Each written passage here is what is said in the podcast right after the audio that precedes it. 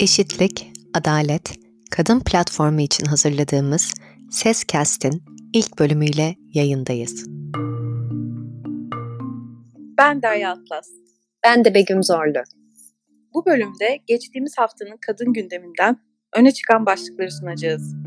Başlamadan önce Eşitlik Adalet Kadın platformunu tanımak için sözü platformun kurucusu Gülseren Alanç'a bırakıyoruz.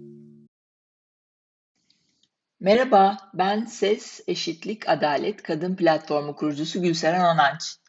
Biz 2018'den beri toplumsal cinsiyet eşitliği, kadınların hak ve adalet arayışları, siyasette, iş dünyasında, kültür sanatta, akademide, sporda, kadınların temsiline ve kadın liderliğine ilişkin haberleri derliyoruz. Kadın sesini olumlu habercilik diliyle yükseltmeye çalışıyoruz. Her hafta derlediğimiz Ses Kadın Bülteni'ni artık podcast olarak da sizlere ulaştıracağız. Kadın sesinin kulaklarınıza ulaşmasını istiyoruz. Adına Sescast dediğimiz ilk podcast'imizi Ses Eşitlik Adalet Kadın Platformu takımı hazırladı. İyi dinlemeler. Hükümetin İstanbul Sözleşmesi'nden çekilmeye yönelik girişimlerine karşı direniş büyümekte. Birçok kente protestolar gerçekleşti. Polisin protestoculara uyguladığı şiddet tepki çekti. Neredeyse her gün, bazen günde birden fazla kadının öldürüldüğü bir dönemde bunu protesto eden kadınların saldırıya uğraması da kadına karşı şiddetin kurumsal altyapısını tekrar açığa çıkardı. Bir yandan da aralarında siyasetçi, sanatçı, akademisyen ve avukatların da bulunduğu 345 erkek sözleşmeye arka çıktı ve şöyle bir açıklama yaptılar. Erkeklik öldü mü? Hayır ölmedi, kadınları öldürüyor. İnsanlığımızı da. Haydi artık dilimizden de, hayatımızdan da söküp atalım bu ilkel, bu ayrımcı böbürlenmeyi. İnsanlık hepimizi ayrımsız kavruyor. Yeter de artar. Kadınların verdiği hak ve eşitlik mücadelesinde onların yanındayız.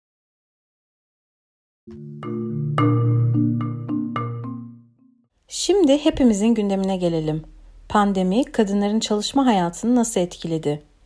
Birleşmiş Milletler Kalkınma Programı desteğiyle bilim kadınları İpek İlk Karacan ve Emel Memiş tarafından hazırlanan bir araştırma tam da buna bakıyor.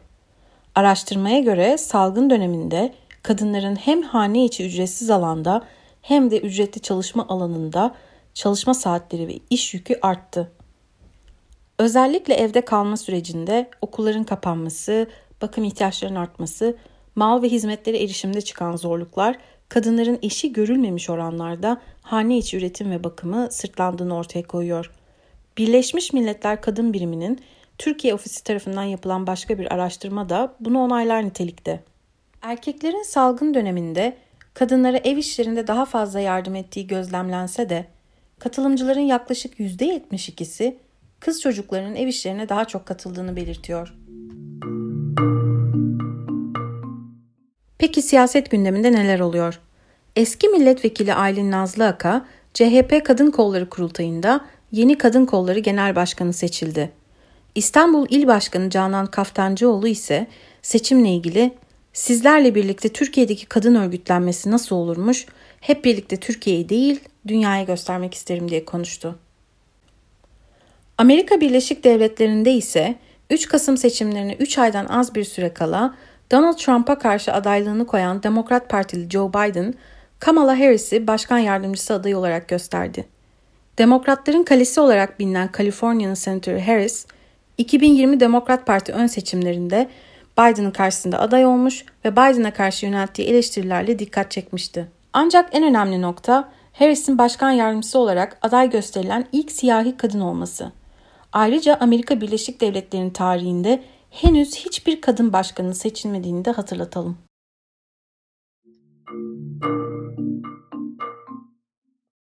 Geçtiğimiz haftalarda Somalili insan hakları aktivisti ve hekim Hava Abdi'nin vefatı da kadınların gündemindeydi.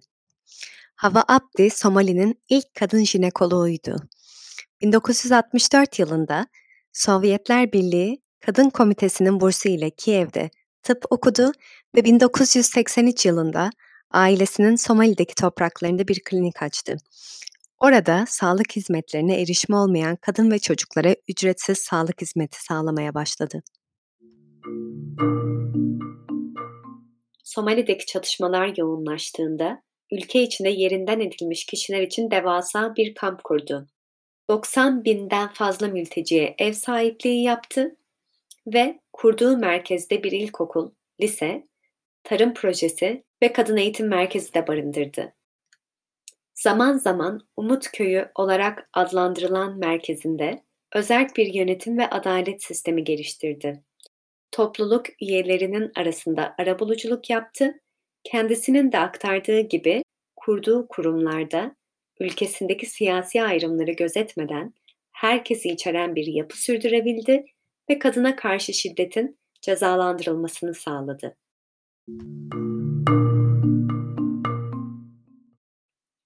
Başka önemli bir meseleye dönersek, sosyal medya, kadın mobilizasyonunda daha fazla imkan tanırken, bir yandan da farklı şiddet biçimlerini ve kadınlara yönelik saldırıları da barındırabiliyor. Bu yüzden Türkiye dahil dünyanın dört bir yanından 100 kadın siyasetçi, kadınların demokratik söyleme katılım imkanını korumak ve güvenli, güçlendirici bir çevrim içi alan sağlamak adına Facebook'a çağrıda bulundu.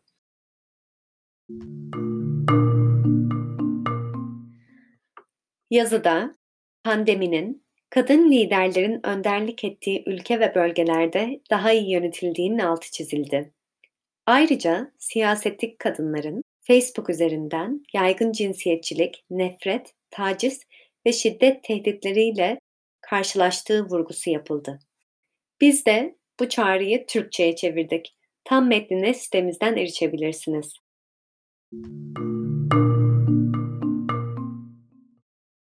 Mısır'da cinsel taciz vakalarının cezasız kalmasını protesto etmek için kadınlar sosyal medyada tacizcileri ifşa kampanyası başlattı.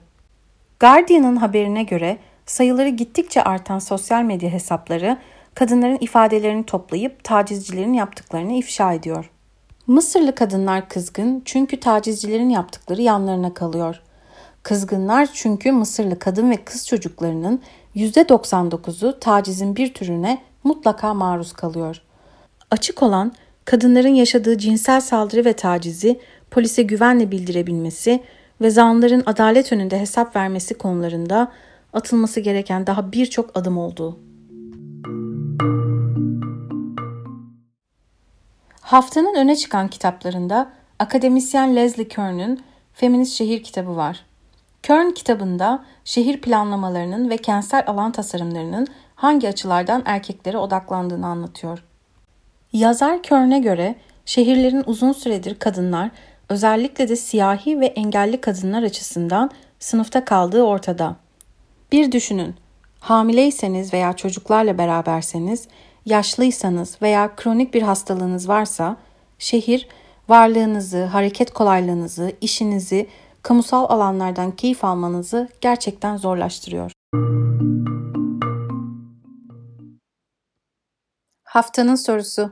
Buradan sevgili dinleyicilerimize sesleniyoruz. Sizce feminist bir şehir nasıl olmalı? Bir sonraki bölümde yer almak üzere cevaplarınızı bize Anchor uygulaması üzerinden ses kaydı ile veya ses platformu sosyal medya hesaplarımızdan bize yollayabilirsiniz.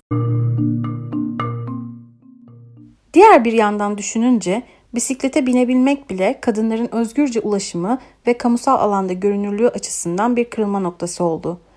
Buradan kadınların spor faaliyetlerinin dışında kaldığı, ev işleri haricinde hareketsiz olmalarının beklendiği 19. yüzyıl Avrupa'sında bisikletin getirdiği özgürlüğü anlattığı yazısı ile beş harfler yazarı Ayşe Göç'e selam veriyoruz. Bu haftanın kadın gündeminin sonuna geldik. Eşitlik Adalet Kadın Platformu için hazırladığımız Seskest'te ve bültenimize abone olmayı ve bizi sosyal medya hesaplarımızdan takip etmeyi unutmayın.